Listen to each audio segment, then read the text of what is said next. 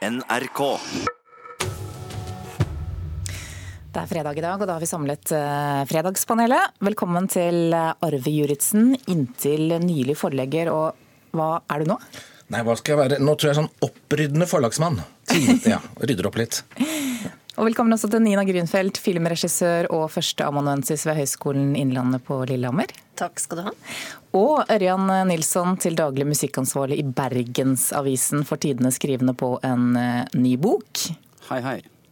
Vi starter med det som ble i hvert fall eh, den store snakkisen på starten av uken. Under en debatt om den nye humorprisen bannet og kjeftet komiker Josef Hadaoui mot studiovinduet, inntil han ble kastet ut. Og for radiolytterne så hørtes det sånn ut. Nødvendigvis ikke alle, men deler av det. Nei, det her klarer jeg ikke. Altså. Det må faen meg holde kjeft, ass.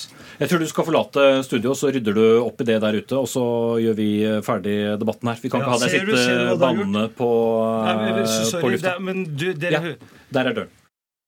Sånn hørtes det ut på radio. I etterkant så fortalte han at eh, det hele var en del av en sketsj til et annet program. Og spørsmålet til panelet er er det lov å sabotere en debatt i humorens navn? Vi starter i Bergen. Ja. Denne debatten, ja. Nei. Da får du starte. Nei, altså jeg tenker at det å sabotere er aldri et veldig godt virkemiddel. Eh, Med mindre du kanskje skal igangsette en revolusjon, da. F.eks. sånn som den franske, for det er faktisk der ordet sabotør kommer fra. Og kanskje prøvde han seg på en liten humorrevolusjon.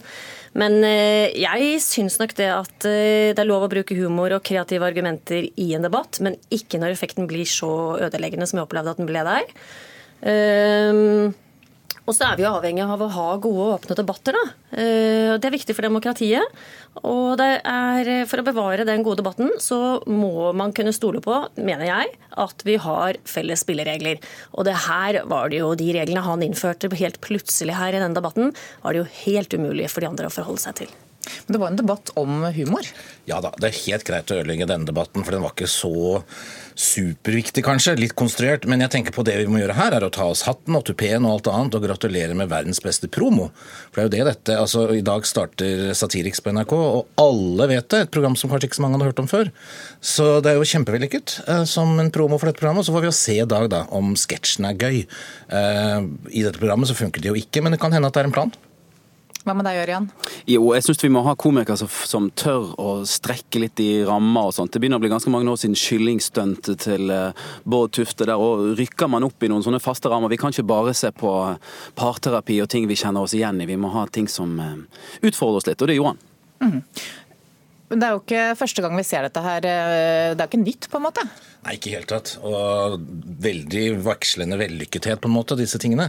Eh, rett før dette så var jo Finn Ove Haagensen på TV 2, som ble ambusha her også i NRK-huset av kaklende 20 reportere. Det var gøy.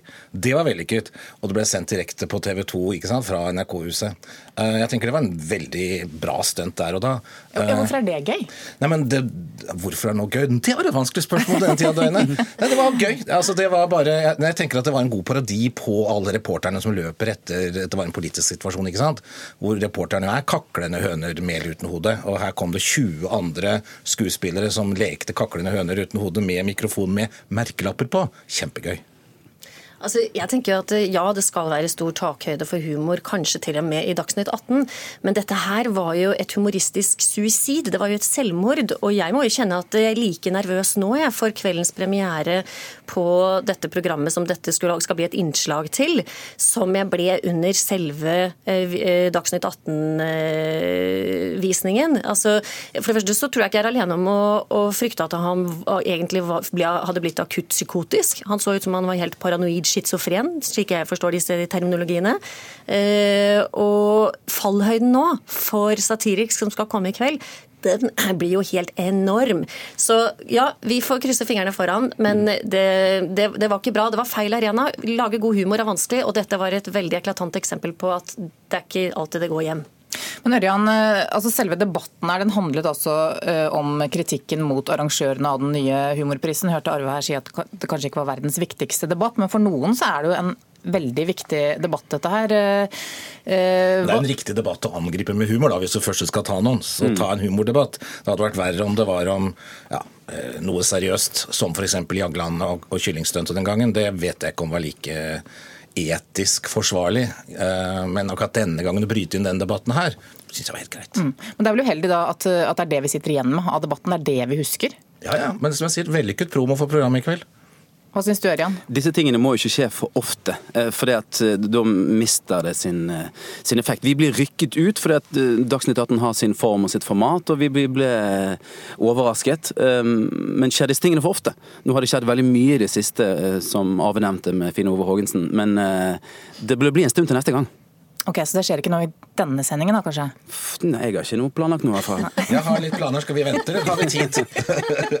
Jeg har noen kransekakevitser. Jeg vet ikke hvordan det Kan det fungere på morgenen? Hvis jeg avbryter litt? Vi kan prøve, da. Jeg venter, venter i spenning, eh, kan vi si. Okay. Vi kan skifte tema. Eh, Først eh, kunstner Bjarne Melgaard og Snøhetta arkitekter har bestemt seg for å bygge det omstridte dødshuset i et annet land enn Norge. Etter sju år med naboprotester sa Oslo kommune nei til huset i fjor. Og nå kan det havne i Østerrike, fortalte Melgaard til Kulturnytt. Vi går glipp av mye, det mener Snøhetta-sjefen Kjetil Tredal Thorsen. Jeg vil jo si at uh, i alt det som handler om nyutvikling, å kunne lære nye ting og se på ting i en ny kunstnerisk sammenheng, når en sier nei til den type ting, så går en glipp av både kunnskap, innsikt og ikke minst eksperimenteringen som ligger i bunnen ved gjennomføringen av et sånt prosjekt. Var eh, dødshuset et for uvanlig prosjekt for eh, Norge? Ja, det tror jeg vi må kunne si. Nei. Nei. Nina, da får du starte igjen. Ja. Sånn er det bare. Nei, men Dødshuset er jo et uvanlig hus, ehm, og det er vel det som er hele poenget med huset. Eh, Spørsmålet er vel snarere om det er for kontroversielt, for deler av Norge i hvert fall. Eh, For det er jo ikke alle som har vært motstandere. Eh, Men når det kommer til kunst og kultur, så tror jeg nok at eh, Norge er ganske konservativt. Vi er en nasjon som søker konsensus og ikke konflikt. Og et hus som estetisk utfordrer alt det som vi assosierer til hva et hus skal være, og som tematisk omhandler død, det tror jeg er nok er mer enn gjennomsnittsnordmannen liker. Dette huset trenger vi, eh, fordi det er så mye kjedelig arkitektur i Norge. Når vi nå ser vi bruker milliarder på den der stygge kassa som kalles Nasjonalmuseet, så trenger vi jo noe fantasifullt som dette. Jeg tenker at Det som var problemet her, var at det var feil plassert. Eh, Dette huset blir jo så spektakulært at det må jo være mye mer tilgjengelig enn å putte det inn i et sånt nabolag som det skulle være nå. Jeg skjønner den kunstneriske historien osv., men jeg skulle ønske at vi kunne få bygge flere hus og flere ting som står som rart, som spektakulært, som pent, til og med som stygt. Ikke så kjedelig som vi gjør nå. Så det vi må gjøre nå, er bare finne en annen tomt, for jeg tenker at det var feilplassert. Mm, Du har noen tips, eller? Ja, det er jo mye rart. Eh, Fortsatt plass i Bjørvik og Tullinløkka, hva skal vi med den? Der er parkeringsplass. Det er jo, er jo ikke, mangler jo ikke på Kan flytte Markagrensa, kanskje? Ørjan? Ja, jeg er enig med Arve. Vi må slutte å tro at vi er så mye, mye mindre vågale enn så mange andre land. Dette handler, utgangs, dette handler bare om lokalitet. Det finnes utrolig mange plasser som man kunne plassert dette huset. Det er et, det, det, det, er et levende kunstverk som, som, som puster og lever, som folk bor i, i motsetning til veldig mye annet vi har av eh, kunstverk. Altså, nå har jo Bærum kommune sagt at de vil ha det, og det er masse plasser i Norge hvor dette huset kan stå og bli en, eh, bli en, ja, en levende kunstattraksjon. Mm, Men nå var det sånn at planen var at det skulle ligge der. Det var planen, men det er bedre at det ligger i Bærum enn at det ligger i Østerrike. Jeg tror dere det blir en, en type norsk løsning her, men nå har vi ikke hørt hva Nå er Trine Skei Grande på banen. Da blir Ja. alt løst, vet du. Ja. Simsalabim i løpet av formiddagen så har hun fikset det. Dødshuset kommer til å stå sentralt plassert i Oslo. Kanskje i nærheten av regjeringskvartalet. Men det er jo Jeg, må jo bare, for at jeg sa jo ja. altså Jeg innser jo nå at svaret mitt egentlig var nei. Jeg har bare tolket spørsmålet med feil eh, forbokstav, holdt jeg på å si. Men, Du sa vel men, nei? eh, Jeg, sa, altså, jeg svarte ja på spørsmålet. De andre sa nei. Men det, det var, ja, det var, Det var et lite stunt. Litt, litt for håper jeg ikke blir vist døren med en gang. Men jeg tenker dette her er jo helt norsk. At ethvert prosjekt som er litt utfordrende, det må det jo være kamper om og omkamper om. Sånn at det, det ordner seg forhåpentligvis til slutt, tenker jeg. Gardermoen tok 40 år. Tullinløkka står der som kjent fremdeles. Eh, Ekebergparken. Ingen klager over den det. nå. Kanskje den kan stå i. Ekebergparken? Ekebergparken, det lanserer vi i dag. Knallidé. Så det er klart at vi Vi trenger jo et sted som dette, og jeg tror til slutt at det kommer til å bli et sted som både nordmenn og andre kanskje til og med valfarter til. Kanskje Bergen har lyst på det? Det er masse plass på Vestlandet. God plass. Vi skifter tema igjen. Vi skal snakke om eh, norske festivaler. Hvert eneste år så jobber om lag 20 000 mennesker frivillig gratis mot å få billetter til festivalen der de jobber.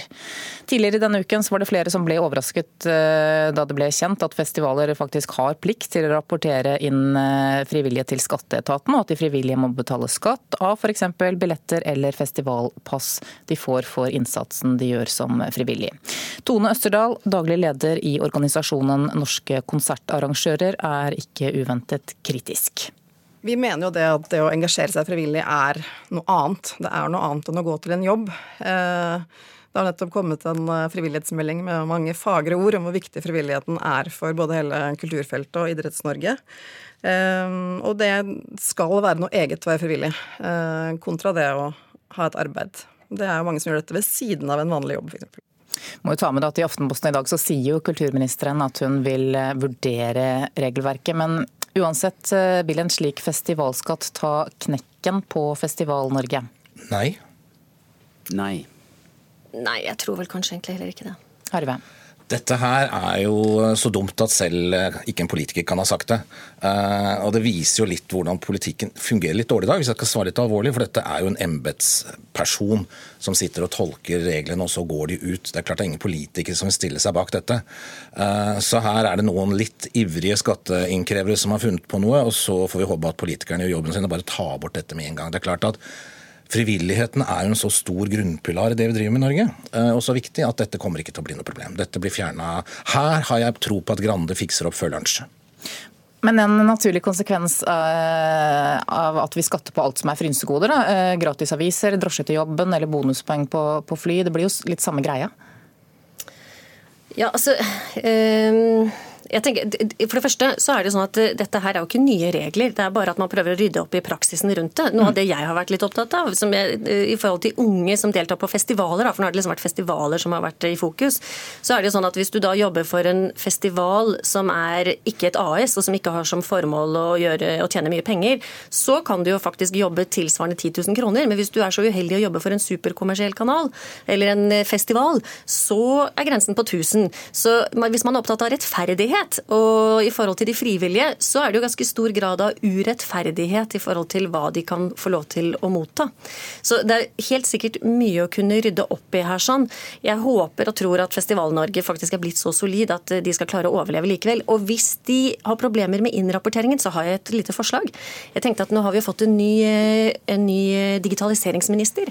Kan man kanskje lage en app der de unge kan registrere seg, og alt dette går helt automatisk av seg selv rett inn inn til Skattedirektoratet, eh, så blir det litt enklere. Så bør man ikke bruke så mye ressurser på selve administrasjonen. Og Astrup kommer jo fra bistand, så han bør kunne bistå, tenker jeg. Aha. Det der kommer til å bli en av de mest populære appene øyeblikkelig. Alle kids der ute nå løp og last ned. Her er selvangivelse, det er veldig bra. Men Ørjan, hvor går grensen for hva som er frivillig arbeid, og det jobb du faktisk bør få lønn for, og, og da altså skatte av?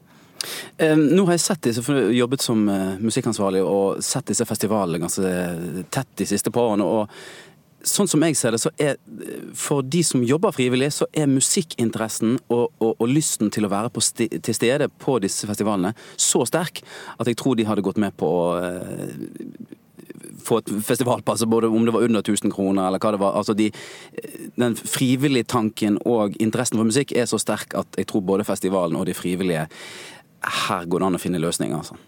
Ja, hva da, f.eks.? Nei, jeg syns den appen ikke var så dum, jeg. Men det har vært eh, mye snakk om at om de sto, ordentlig store festivalene som Øya, de har kanskje råd da, til å betale skatten for de frivillige? Ja, det har de kanskje, men, men som hun Tone Østerdal sa, det er mye hode, hoderisting og bekymring i festivallandskapet, og det blir fryktelig mye ekstra ekstra arbeid. Men som, som, du sier, festivalen er så stor og solid at eh, jeg tror ikke problemet skal være så stort heller. altså. Altså vil Ringvirkningene hvis man skal innføre dette bli helt u... Altså hvor, hva skal være innenfor, hva er utenfor? Ikke sant? Altså er det grensen, Nå er det 1000 kroner ikke sant, som er grensen nå? Mm, ja, Hvis det er en ideell organisasjon. Ja, eh, F.eks. som blodgiver Nei, så får du en sekk, og du får en lue og du får en T-skjorte. Kan fort bli over 1000 kroner. Så, så, dette tenker jeg er som sagt, det er en overivrig embetsmann som har sittet og, og, funnet på dette, og dette vil ikke politikerne godta. Dette kommer til å gå bra. Det blir festivaler i sommer, og det tror jeg. Jeg syns det er rart det kommer fra denne regjeringen. Nei, det kommer ikke fra regjeringen, det kommer fra de som sitter bak, som ikke vet hvem er. Det er det som er så skummelt med makten i Norge, ikke sant? Ja, Men de har jo fått noen direktiver, da. Ja, de har jobbet, de, de tror ikke det. Jeg tror ikke de følger dem. Det er mye gode løsninger her. Arve Juritzen, Nina Grunfeldt og Ørjan Nilsson. Tusen takk for at dere var med i ukens fredagspanel her i Nyhetsmorgen i NRK Radio.